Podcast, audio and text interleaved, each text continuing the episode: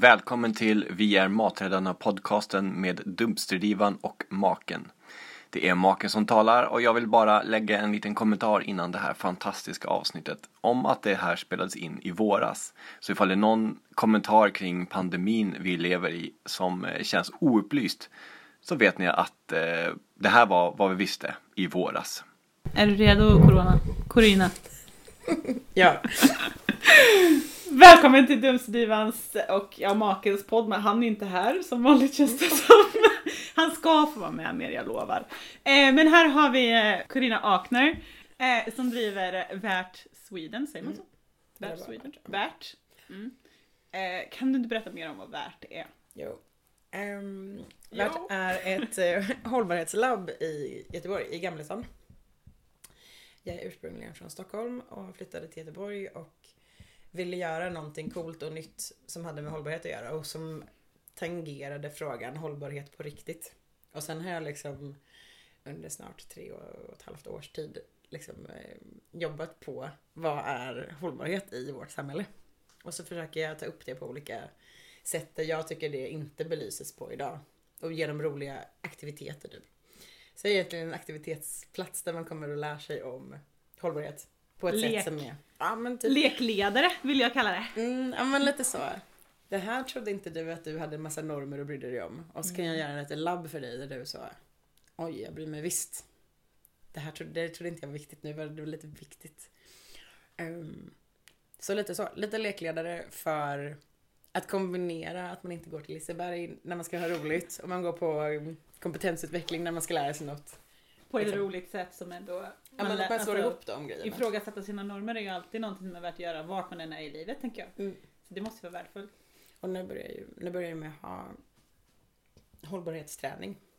Liksom, att man ska Mm. ha olika hållbara team som ska lära sig någonting om, så inte bara kompetensutveckling inom verksamheten utan också hållbarhetskompetensutveckling. Så då att slå ihop de sakerna, det kan vara lite roligt och vi kan lära oss lite nya saker och hur kan vi ställa oss till det här fältet som hela tiden växer liksom. Hur är man skeptisk men nyfiken och taggad på hållbarhet? Mm. Mm. Så det är det. Ja, det är så himla coolt. Du bara kläcker en idé och så bara kör du på det. Så himla coolt. Tycker jag då. Väldigt konstruktivt. Ja, det är bara coolt, det är bara coolt. Nej, men, men väldigt, väldigt roligt tycker jag. Men du jobbar mest mot företag då? En, och organisationer och skolor. Ja, just det. Men det har inte varit, vi har inte hittat något bra sätt att nå allmänhets, allmänheten i mer än föreläsningssammanhang. Mm. För det blir, man vill gärna att frågorna som väcks ska kunna tas med en grupp. Men då får det ju större värde på något sätt ju. Ja men det är ett längre värde, ja precis. Ett Ja. mer utsträckt värde liksom. Så Mm. man får inte bara Hej då, ja det var kul att träffas, hej då. Liksom. Ja. Utan det blir något som sitter fast i någonting annat. Mm. Men på vilket sätt arbetar du med svinn till exempel? Jag var mm, workshopassistent åt kocklandslaget i Stock- i Stockholm i typ två år. Och hjälpte dem liksom ställa upp workshops och eh, städa och fixa och pilla och så fråga massa dumma frågor hela tiden. Ehm, och jag är liksom inte egentligen matintresserad vilket är det som är lite roligt med vart jag har hamnat i hållbart matmecka liksom. Nej men matsvinn är en sån, det är ett sånt praktexempel på hur vi inte tar tillvara på resurser ordentligt. Och som, som är ganska opersonligt men ändå personligt.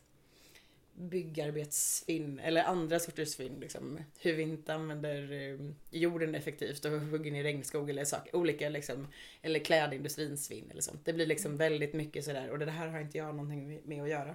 Men, men mat liksom binder oss samman väldigt mycket och alla har slängt någonting som har möglat. Så alla har haft liksom, upplevelserna och samma erfarenheter lite. Så det är en bra, jag tycker det var en bra plats att eh, få folk att göra någonting fysiskt. Och verkligen, mitt mål med att har värt är att inte jobba med post-it-lappar.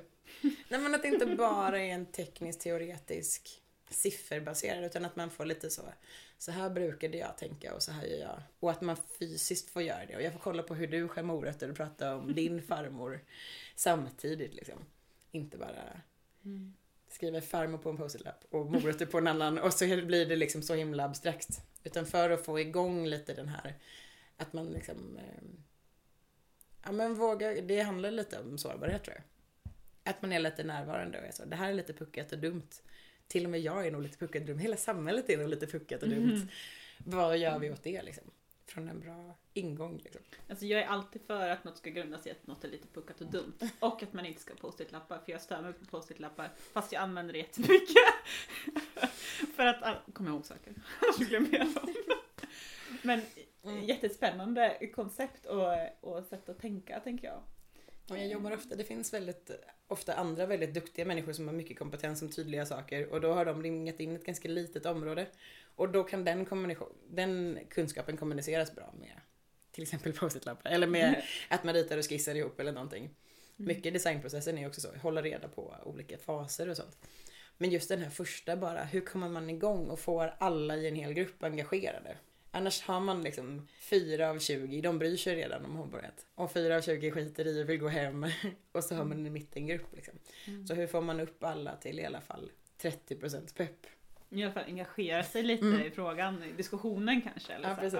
Ja, jag, måste försöka komma in där lite hemligt någon gång och vara Mm. gäst. Typ. Vara med i en sån här grupp och bara Mm. observera. Du hade en massa tankar om mina tidigare poddar här. Det var jättespännande så jag tänkte att... Eh, vill du fråga något eller vill du ta upp något? Eller, hur känner du?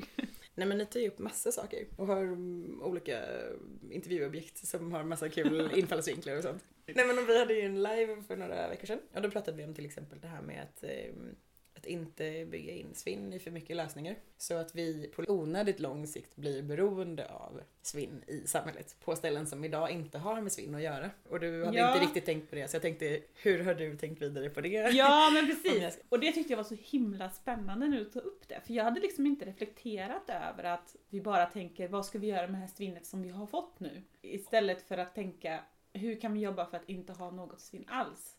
Eller jag kanske har tänkt så men jag har inte reflekterat över att vi skapar liksom en business kring svinnet som gör att Mm. vi inte behöver fundera på hur vi ska ta bort svinnet i butiken till exempel eller i produktionsledet.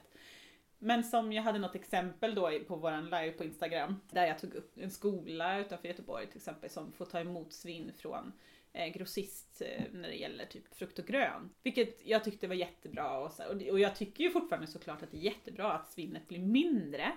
Men då tog du upp det med den här grejen och jag, jag vet inte om, jag hade kanske inte reflekterat så jättemycket över det i sig. Men bara att vara medveten om att Mm. det kan vara ett problem att vi bygger för mycket strukturer kring det svinnet som redan finns. Min upplevelse av att då ha hämtat matsvinn och försökt jobba med och mot olika sorters matsvinn i snart tre år. Det är ju att man får jättemycket vit babysparris mitt i vintern. Eller man får liksom mycket jordgubbar hela våren inför sommaren. Eller i slutet på hösten liksom, när säsongen är helt över. Som flygskeppas hit och möglar snabbt. Det är jättelyxigt att få tag i färska hallon. Så jag som i början var sådär wow, jag hämtar svinn, jag får massa hallon. Då tycker man det är lite härligt. Men egentligen så är det liksom, vi borde lära bort den grejen på något sätt. Att vi så vi bara ger straffavgifter för varenda färskt hallon som, som slängs utanför säsong. Ja men eller hur? Ja. Ja. men på något, på något sätt att man inte bygger in för mycket av den här lite typ lyxiga, nu kommer jag åt det här lyxiga utan att betala för det för att det är svinn. Utan på så, att man se- ser den här onödiga lyxen som verkligen inte bara är ett litet problem liksom. Och det där ser vi ju jättemycket också. Och jag förstår att du ser det ännu tydligare som får så otroliga mängder svinn till ditt företag om man jämför med hur mycket jag hämtar på en kväll liksom. Mm. Eh, Och du får pallvis, jag tar några säckar. Ja, men vi ser lite olika delar av kedjan. Ja, Mm. precis. Ja men det kan man väl säga. Mm. Och jag hittar ju jättemycket exotiska frukter. Om man säger banan är Mm. väl den absolut vanligaste. Jag vet inte vad din upplevelse av det är. Men jag tycker att det är så himla jobbigt. Mm. Därför att banan har, den är så otroligt känslig frukt. Eh, det ska vara precis rätt temperatur och Mm. allt sånt här och sen så bara, sen är den mogen och sen är det över liksom. Mm. Så jag har ju hittat lådor med bananer Mm. utanför butikers, eh, ja men i, i deras sopor liksom. Mm. Eh, som fortfarande är gula men den är för mogen för att säljas. Och då kan man tycka, men eller, eller så säljer ni den för en krona per banan eller liksom vad som helst Det är väl bättre än att betala för att få den skeppad iväg Mm. och gå till spillo. Jag brukar alltid ta det konstnärsexemplet. Att eh, om du eh, gjorde um, handsvarvade lerkrukor då ska, och någon kommer in i vår butik och vill handla någonting. Då vill vi att de går och väntar och längtar efter att köpa ett sånt här fint fat som vi gör. Vi vill inte ha en andra klasssortering Där de bara tar något lite snabbt och spontant och sen så har, tänker de att nu stöttade jag dem ändå. Mm. Så på något sätt tänker jag lite så. att ICA är också så. Vi blir av med en originalkund. Kanske. Jo, det är klart. Så kan de absolut tänka. Och framförallt när de vet hur mycket bananer de beställer. Så de vet att det kommer komma nya bananer. Så börjar de slänga gamla bananer. Mm. Då blir det ännu mer gamla bananer. Ja, jo, men och det, ju, Ja, det har jag också förstått är en jättestor anledning till att saker Mm. slängs. Att, och även torrvaror och sånt som är närmare utgångsdatum. Kanske choklad som jag Mm. nu har hittat i mängder. Alltså vad kan det vara senaste månaderna? Jag kanske har hittat 50-60 kilo med choklad. Det är Och- helt otroligt. Ja, men och det, är, och det här är samma lilla, det är en liten mack alltså. Det är inte liksom en stor butik med ett jättestort godislag eller vad man ska säga. Utan det är en liten mack som, äh, jag, jag kan nästan inte prata om det för jag blir så upprörd över att det här kan ju vem som helst vilja ha också. Mm. De kan ju ge det till vem som helst och kommer ju ta det på vägen ut ur butiken eller du vet, bjud på någonting för att vara trevlig. Men eh, det ska ju tjänas pengar också givetvis på det och sälja det så att det är ju ett, ja. Men vad var det jag tänkte komma, nej, jag vet inte ens vad jag tänkte komma till. Jag är för upprörd. Ta vid. Ja, nej men på något sätt, skulle de börja dela ut en chokladbit då kanske de skulle minska just det här lilla godissuget som gör att man kanske annars hade köpt. Mm. Om man tänker på det som den här konstnärsinställningen lite, Mm. då fattar man utgångspunkten liksom. Men ja, självklart, det är verkligen eh, upprörande. Ja, men jag förstår ju att det är så. Jag förstår ju varför också. Men det måste ju finnas bättre saker man kan göra med det än att kasta det. Det kan man i alla fall komma överens om. Typ skicka det till eh, ungdomsgården Mm. eller till ett äldreboende eller Ja, men någon som kanske inte har samma möjlighet att köpa choklad hur som helst liksom. Som ändå inte hade gått till din butik och köpt choklad. Mm. Då, det är ju perfekt. Ja, precis. Ja. Pra- prata med fyra nya personer som jobbar i kommunen bredvid eller i, i bara två vagnstationer bort eller Mm. vad det nu är. Liksom. Vagnstationer är alltså väldigt, ett väldigt mycket Göteborgsbegrepp. eh, alternativt Stockholm eller Norrköping. Eh, gäller inte för alla helt enkelt. Mm, nej men, Var det okej, det busstationer. Vagn, vagnstationer är väl ganska specifikt storstad. Det Mm. finns människor på landsbygden men jag vet att du har lärt dig det. Jag har lärt mig det. Ja, det är bra. Ehm, Jag är för den Ja. kunskapen. Ja. Men det, Ja, men var, det var med- fint att höra någon referera till avstånd som vagnstationer. Men jag började ju med kommunalgränser. Ja, det är sant, det är sant. Nej men, ehm, ja, men jag tror man har ganska små nätverk som man rör sig i. Och då är det så, då passar det inte med det svinnet hela tiden. Och så är det olika grejer hela tiden. Så då liksom orkar man inte hitta lösningar själv. Och så är man så upptagen med sin basverksamhet så man har inte tid kreativt leta upp de här äldreboendena som hade kunnat tänka sig choklad. Det finns ju garanterat. Mm. Absolut, det är klart det gör. Mm. Men, ja, och det är klart att butikerna har också någonstans begränsade möjligheter och allt sånt där. Men då är det ändå, nu pratar vi ändå då om svinn som redan finns Ja, som precis. slängs.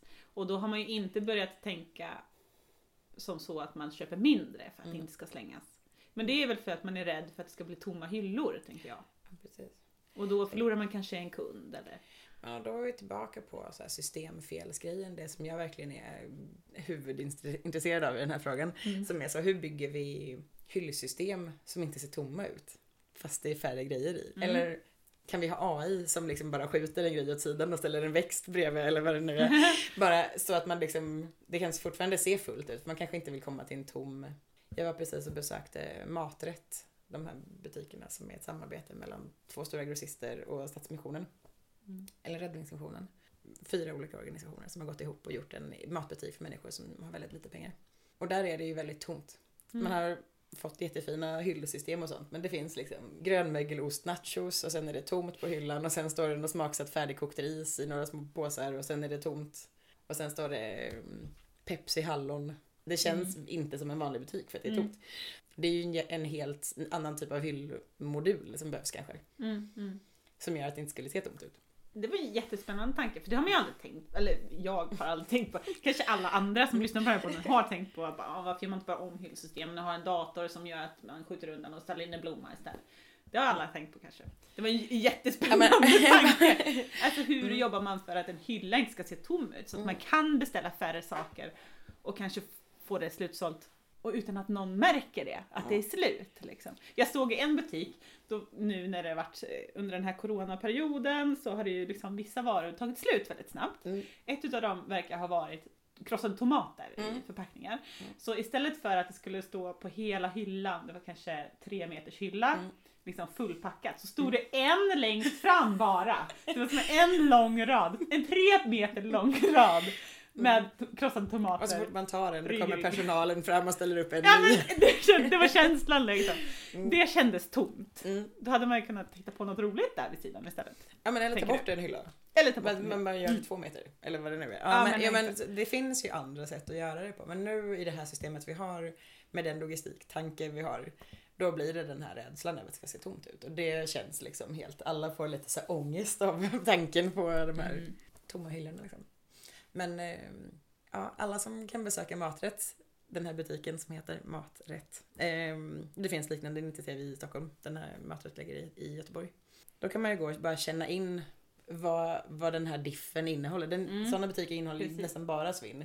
Och så får man inte hela sortimentet. Liksom, hur, hur påverkas ens normativa känsla om konsumtion bara av att vara där inne? Liksom. Så jag tyckte det var en väldigt bra plats att eh, uppleva svinn. Och liksom, Leva svin. Ja, det är fint. Mm. Men du hade också någon tanke när det kom till kött. Vi har ju pratat lite grann om kött i podden. Mm. Eh, och om att jag tycker att det är ett problem och jag tycker också att det är svårt att lämna kött när jag hittar kött. För Mm. att det känns som så här dubbelt fel mot det här djuret. Som... Mm. Jag tycker att det finns en problematik i att föda upp djur för att äta. För att etiskt kan det vara problematiskt. Jag äter ju kött men ganska lite. Men oavsett så plockar jag ju med mig då om jag, om jag hittar dumstrat och det ser bra ut och det är fortfarande kallt eller så här. Eh, Om jag avgör att jag kan äta den här. Och då har det funnits en hel del diskussioner både på Instagram och i våran podd kring det. Både med Ingrid Strid och mellan mig och min man bara. Mm. Och du hade fastnat lite vid någonting där. Just den här att om, om man inte gillar ett svinn, om man till exempel inte gillar färskt köttsvinn. Mm. Det är svårt att vilja dumptra det för att man vet inte. Nej, Och det är verkligen liksom det är en produkt som blir, den har väldigt kort datum och kött är ju också en väldigt estetisk produkt. Så Ja. fort den blir lite, lite oxiderad, lite brun, då ser den dålig ut. Så det, de är ju som bananer. Verkligen, Ja, ja precis. En bra liknelse. Eller det ligger för mycket blod i botten för att det är bara, det var en blodig bit liksom. Mm, eller något. mm. Så det finns ju väldigt liksom, mycket estetiska. Eh, så tycker man inte om det svinnet, att man liksom inkorporerar den känslan av att jag vill inte skapa svinn, svinnekött. Då försöker jag inte köpa färskt svinn. Eller färskt kött. Färskt svin vill du ha friskt?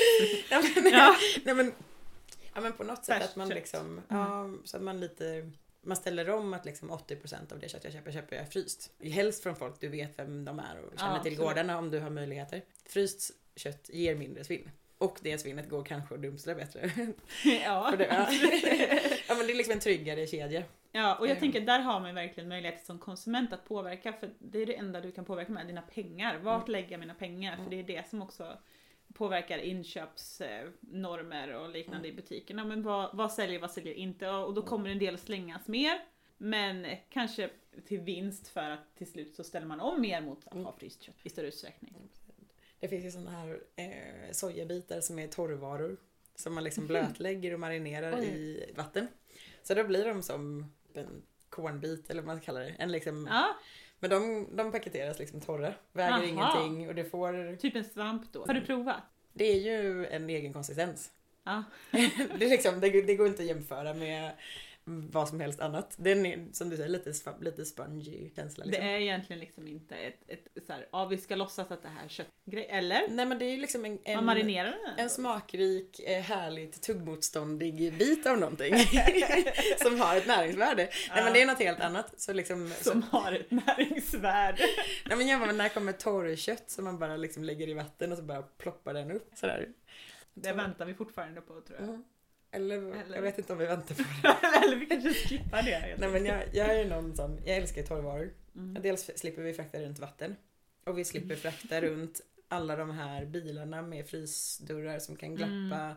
Alla kyllådor som kan stå öppna. Och, så, så just att på något sätt liksom ta beslut över att bu- butikerna har ju först möt, möts man av bröd och sen frukt och grönt. Och det är inte slump att bröd och frukt och grönt står först, för det är det de slänger mest. Så att tycker man inte om svinn, då handlar man så lite färskt bröd och färsk frukt man kan. Och så rör man sig till de här hyllorna längst bak där det står liksom ja, men linser och frön och konserver och fryssaker längre in. Och så äter man inte grönsaker. Eller Ja, man men- kanske fryser grönsaker. Ja men precis, om, om man kanske väljer gröns, liksom, de grönsaker som inte är de här små körsbärstomaterna och alla de här. Det är det som är kul med projektinitiativ som ditt, ditt, ditt konto. Att man får ju se vad som slängs. Så då kan man liksom bara bocka av, ta bort dem från sin inköpslista liksom. Ja men så blir det ju Ja. faktiskt. Alltså det är ju sällan som jag handlar och sen dumstrar. Det är ju bara Mm. dumt. Eller jag, jag dumstrar ju och sen kompletteringshandlar Ja, jag utifrån vad jag, vad jag hittar.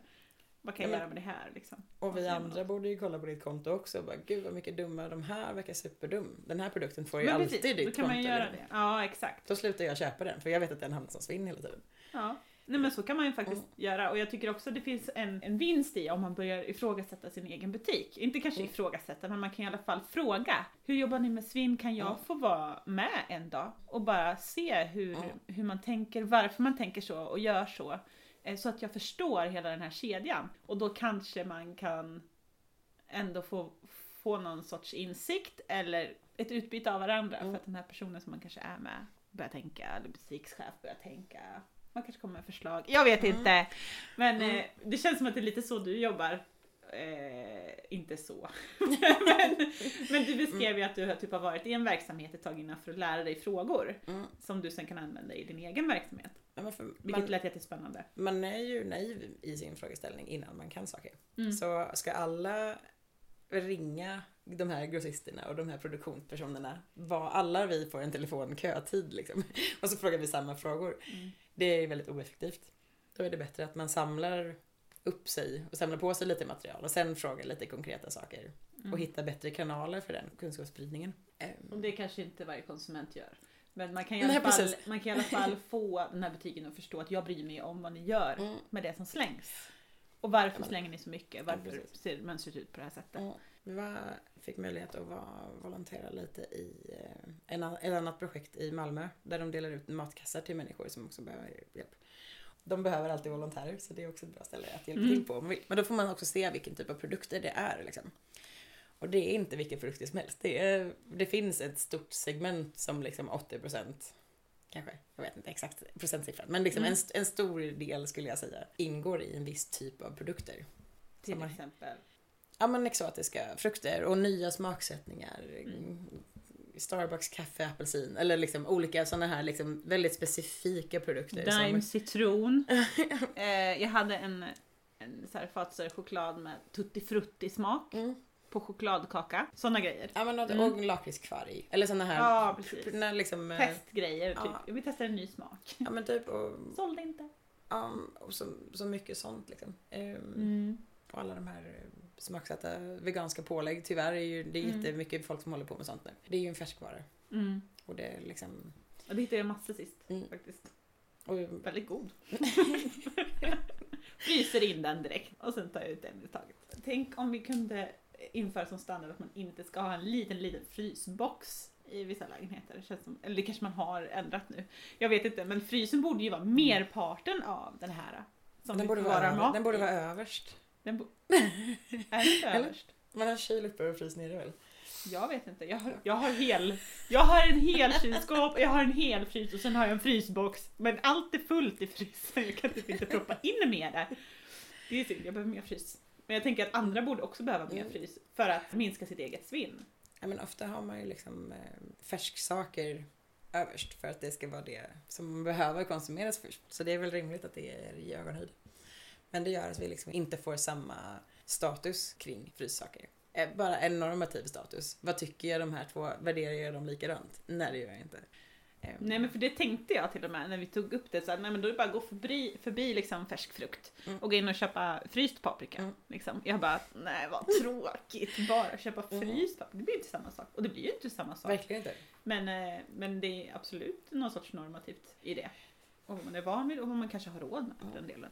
Nej men och det, och det finns väl ingenting som säger att man inte får göra något liksom. Nej. Mycket människor blir väldigt sådär, man måste vara helt dedikerad till de här frågorna för att få hålla på med dem. Förstår Liksom. inte jag vad du menar. jag känner mig inte alls träffad. Nej men visst är det så. Mm. Men Man liksom- orkar inte med att vara helt dedikerad i hur många frågor som helst heller. Men det är skönt att kunna vara det i en i alla fall och känna att man kan någonting där. Men och, och när det är säsong på saker så är det fantastiskt liksom. Men nu lever vi i en tid som säger att vi får köpa smaklösa tomater hela året om. Mm. Det är vår rättighet liksom.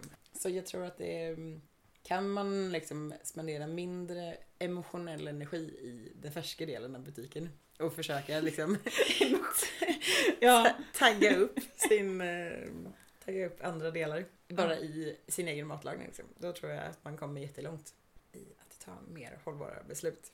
Så var en, en grej till som du funderade på, som, vänta nu, CSR vill jag kalla det. Mm. Var det rätt? Mm. Ja. Kan du förklara lite vad det är? Ja. Och varför du tänkte på det? Mm. Nej, det, är, det står för Corporal Social Responsibility. Och det är det som mycket verksamheter har börjat lägga delar av sin vinst på för att liksom visa att man ger tillbaka till sin omvärld. Och det kan vara att eh, ICA stöttar svenska fotbollsdamlaget. Eller någonting sånt här. Att man hittar en, en grupp människor som behöver pengar och så säger man att nu är vi på er sida liksom. Och det är ju någonting så på Värt så, in, så har vi inte bara aktiviteter för företagsgrupper. Utan eftersom jag är produktdesigner i botten så jobbar vi med att hjälpa företag som har svinn ta fram nya svinnprodukter på restflöden Mm. de har. Och sen, Som till exempel eh, bröd, öl och... ja, ka, ja, eller bara, Eller vad har du och det något- kan vara enklare. Det kan vara vi får jättemycket jeans över. Vad, vad är en bra produkt som vi kan göra av jeans som vi vet att vi alltid får 5-10% svinn på? Vad kan vi göra för jättehärliga grejer av dem med mer hantverk där vi liksom inte behöver slänga jeans eller klippa sönder dem för att vi inte vill ge bort dem. Så hur, hur jobbar man med det? Eller hur, när man gör öl får man en restprodukt som heter drav. Hur integrerar vi att ölproducenten känner att jag gör, jobbar med både en flytande produkt och en fast produkt? Så genom att göra olika roliga beer balls eller olika kryddade små härliga öl kosttillskotts eh, fasta olika saker. Eller Det finns inga namn på de här grejerna. Ja, men, ja precis. Nej, men dravkakor, dravprodukter liksom. Eh, och försöka visa att här, man, det finns en till verksamhetsmöjlighet i, eftersom att du har ett kretslopp där du producerar en biprodukt hela tiden. Då har du ju den bi- biprodukten tillgänglig. Den är, du vet hur den är gjord och du vet var den kommer ifrån för du Mm. har gjort den. Mm. Så då är det ju väldigt lätt för den verksamheten att kan man hitta väldigt enkla sätt att börja använda den också i sitt varumärke. Det är ju Eller hur bra som helst. eller. Mindre svinn, mer intäkter tänker jag. Du kan också säga att du gör de två grejer man borde göra när man gör öl. Ja, men och så CSR är ju då det vi tänker att till exempel stora verksamheter som har miljöbelastningsproblem idag. Och de försöker utbilda sin personal och sånt. Och sen så gör man CSR, man lägger pengar på någon annan verksamhet. När ens egen verksamhet har stora problem. Och då liksom på något sätt tänker vi nu när vi angriper företag med den här frågan. Hur sammanför vi de sakerna? Hur kan, hur kan man kanske investera i att ta hand om sitt eget svinn, att ta ansvar för den delen av sin egen produktion med sin vinst. Jag gör vinst, jag skapar ett avfall och lite av vinsten ger vi bort. Då, den vinsten är ju egentligen kopplad till att du sket i att ta hand om det här avfallet. Och du tog inte ansvar för det liksom. Mm. Utan du gjorde en vinst på bekostnad av en massa andra saker. Så hur kan du liksom återinvestera i att hjälpa företag att starta en juicepress? Två eh, brudar som kommer till ett startup-hub och vill göra juice på gammal frukt. Men då kanske fruktgrossisten själva hjälper dem med pengar. Att man liksom hittar olika sätt att stötta andra sidoindustrier till exempel. Det finns massa olika sätt att jobba med det. Men att man liksom inte tänker att alla de pengarna när man vill ge vinstpengar någon annanstans, att de inte ska vara kopplade till sig själv. Mm. Om man inte verkligen sitter i en ren båt först själv. Liksom. Mm. Då drar vi tillbaka CSR-pengarna och den frågan till företag. Det tycker jag är jättekul. Och Mm. hoppas se fler företag liksom ägna sig åt. Ja, det låter jättespännande, det är helt nytt för mig. Mm. Eh, Jag känner inte till begreppet överhuvudtaget men jag är, eh, det är inte så nära dumpstring heller. Så det är inte så, inte så konstigt. Eftersom att jag är supernischad Ja, nu då ja, i den här lilla, lilla frågan. Men det låter ju jättespännande och också att det kan användas på ett sätt för att minska eh, riktigt svinn. Mm. Som, alltså svinn som någonstans ingen kanske ens ser som svinn för att det är en biprodukt Precis. som man tänker är oanvändbar kanske till och med. Fast egentligen är det svinn. För att man hade kunnat göra någonting bra med det. Det är det som är så himla briljant med ordet svinn. I, på engelska finns ju inte Nej. ordet svinn. Nej jag vet! Det är ju det knäppaste. Eller det är inte bara food waste och det är eh, allt som släpps. Eller man kan säga edible food waste. Ja just det, och då menar man Svinn. det vi menar med svinn. Ja, Precis. precis. Så um, många sådana här ölproducenter till exempel, de tänker ju inte på sin restmassa som svinn. Utan Mm. de tänker ju på det som en sopprodukt. Ja. Så först får man dem att tänka på det som ett matavfall, Mm. sen får man dem att tänka på det som svinn. Så det är ju en helt annan, det är en, en företagsprocess liksom. Mm, mm. Där man måste få personalen att tagga till på det och vara med i det här kreativa. Vad gör vi med den delen? Varför skulle vi se ner på halva vår produktion?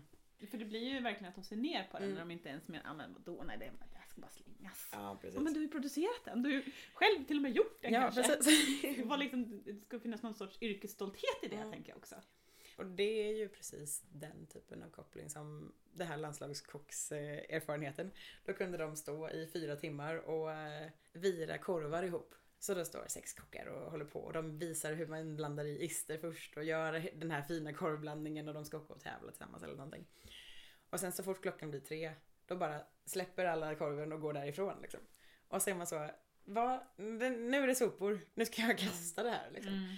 Så på något sätt är det ju så att har man bestämt sig för att något är skräp, då är det det. Så inser man att man jobbar med något där man liksom klockan tre då blir allt jag håller på med sopor. Mm. Nu har jag bryggt öl hela dagen och nu tar, har jag de här två grejerna och den ena bara, den tänker jag på som skräp. Då är det jättesvårt att inte tänka på den som skräp om vi har bestämt Det är ju exakt det som Mm. jag får jobba emot hela tiden. Precis. om man säger. Alltså, det är här som har eh, människors normativa tanke om vad som ligger i soporna. Mm. är Att allting är skräp. Mm. Att allt mat, man, man vet inte riktigt vad matsvinnet när det kommer från sopor. Mm. Man vet vad det är när man gör någon biprodukt av någonting. Mm. Ja, det här kunde vi använda på det här sättet. Mm. Eller när man själv gör restfest hemma och Mm. kan använda det man hade tänkt inte var tillräckligt. Liksom. Men vad är skräp för någon annan fast kanske faktiskt Mm. inte är skräp i någon annans ögon eller i, i någon sorts eh, logisk mening ens. Ja, men det var ju någon, någon stor eh, skobutik nyligen som hade Mm. skurit sönder skor. Ja. Och då är man så, men hela skor är inte sopor för någon. Nej. Utom för de här som slängde det. Ja. Liksom. Precis. Så eh, det är det som är lite dumt med att vi kallar mat, för det är ju ma- matsvinn man skapar hemma. Jag har tänkt jättemycket på det under corona nu för att Mm. varit hemma lite mer och vi har gjort mer måltider hemma. Och jag är så, jag slänger typ ingenting som inte är ätbart. Mm. Så min relation till matsvinn i mitt hem är så här, ingen kan dumpstra hemma i min kompost. Nej, det är inte gott. Det, nej men det är liksom inte, det, det är inte mat kvar. Liksom. Nej, det är nej. nästan bara skal och Det är matavfall. det är matavfall. Bara ren matavfall. Precis. Så när vi har den egna upplevelsen av att skapa matsvinn, citat, matavfall är egentligen liksom väldigt... Food waste kan man Ja säga. men, precis. Ja. Nej, men- eh, då blir när man tänker på att en annan har matavfall, då vet man, då jämför man det med den upplevelsen man hade när man själv skapade det. Mm. Och då tänker man, ja men då är det lika sopigt. Men så kommer hela den här tajmingen, företagstajmingen. Nu plötsligt blir de här skorna skräp. Så den timingfrågan har vi. Hemma står vi inte med två ägg och bara, när klockan är tolv då kommer jag slänga ett. Nej, nej. Bara precis. för att liksom. Och det är väldigt, väldigt svårt att förstå för privatpersoner. Att det är hur stor del den delen av varför svinn finns. När vi pratar om privatpersoner tänker jag också på en massa statistik som vi också pratade om lite förut du och jag innan den här podden startade. Eh, och att det finns problem med hur man använder den statistik som redan finns. Eh, och som jag förstår det så är man på väg att göra ny statistik som ska vara mer tillförlitlig i samarbete med matbutiker till exempel Mm. där man inte har kunnat få fram ett rejält svinn. Eh, eftersom att den här faktan används som fakta. Precis. Fakta används som fakta. Det var ju inte, är ju inte fakta, vad jag skulle säga? Så dumt. Ja men och just dels för att vi har problematiken kring är det matsvinn eller eh, matavfall. Och när vi pratar om det lite ur Naturvårdsverkets perspektiv, då kan de mixas lite. Man pratar Ja, om det här kompostavfallet i hemmet som faktiskt är mycket matavfall. Och sen eh, samtidigt grossisternas liksom, svinn som i den här rapporten som är den mest publicerade. Då skrev Mm. man att grossisterna inte har något svinn. Så man gör staplar, fem stycken matbutiker, privatpersoner, bönder och någonting Fisk, annat. Ja, och grossist, ja. grossist. Och då har man liksom valt att skriva en nolla på Mm. grossisternas spalt. För att man inte kunde få ihop datan ordentligt. Men det betyder ju inte att det inte finns någonting. Nej. Så när vi sen hänvisar till sådana källor hela tiden. Som blir väldigt, liksom, då blir vi väl, de siffror vi kan ta hand om, vi vet hur mycket kompost vi hämtar från befolkningen. Den siffran är den vi har bäst koll på. För den sker statligt. Så det är den vi har bäst koll på. Den blir Ja, mest exakt. Den är mest sann. korrekt utifrån hur det ser ut i hemmen. Ja precis, och den går inte att komma undan från. riktigt. Nej. De vet vad de hämtar för de väger det. Och liksom, det är Ja. väldigt konkret. Absolut. Men eh, det, det blir, den blir väldigt överrepresenterad när någon så stor aktör som en grossist, som hela grossistledet i Mm. Sverige skulle ha noll. Vilket alla vet. Alltså, Nej, re- nej. Rescued kan inte finnas om inte det fanns film. Liksom. Nej. Så, och alla de, ja, alla har sett en container med mat någonstans. Så att, att de inte klassar det som svinn eller matavfall, eller vad man nu har frågat Mm. om i den här artikeln som gör att det inte går att ta fram en siffra på det. är ju oerhört problematiskt när det sen artikeln i sig hänvisas till hela, hela tiden. Hela tiden. Mm. Och att man då säger att 70% av allt svinn som vi har Mm. står hushållen för till Mm. exempel. Ja fast grossisterna står det noll på. Mm. Så hur kan vi jämföra det här procentuellt och göra det rättvist för hushållen till exempel? Alltså jag tycker att det är svårt och dessutom så visst man har vägt avfallet men det Mm. säger ju ingenting om hur mycket som är svinn i soppåsen. Sen gör man väl stickprov om jag förstår det rätt fortfarande hela tiden löpande för att se ungefär vad vi slänger i Mm. våra hushållssopor. Det finns ju många delar i det som gör att det blir väldigt problematiskt att använda sig av den här statistiken som man menar att det här är. Nej, men en av de viktigaste uppdrag vi har när vi tar fram ny fakta i ett nytt fält det är ju att presentera svagheterna med den nya faktan. Så om man misslyckas så himla grovt med att presentera svagheterna som att vi glömde samla in fakta om den här liksom! Åldersspannet 60 till 100 fick vi ingen info om så det Mm. finns inga plus 60 plus personer i vårt samhälle liksom. Då hade man ju behövt gå ut med den faktan om det var Mm. det, på något sätt, vi, det pratade vi också lite om på liven. Men eh, att man inte har hur mycket ork som helst till att bara läsa alla rapporter som finns utan ibland viss fakta kommer igenom och blir tillgänglig för allmänheten. Mm. Och sådana här typer av stora helsvepande rapporter som kan komprimeras till en ganska enkel procentsats. Mm. De är lättast att få ut. Och då Och så är- står ändå en ganska trovärdig källa bakom Ja, det. precis. I form av Naturvårdsverket i det här fallet. Det kommer ta liksom flera decennier att bli av med den Mm. känslan av fakta som folk har fått av felaktig Ja. statistik. Ja, och den hänvisas ju till hela, hela tiden. Eh, Jag hör den på radio var och varannan vecka nästan, att Mm. man hänvisar till den när man pratar om vilket, hur mycket svinn folk står för. Eller? Och även kollegor jag har som jobbar med svinn själva Mm. använder den. För inte ens eh, de har orkat titta på statistiken. Det är först när man tittar på bilden som man ser att det är noll.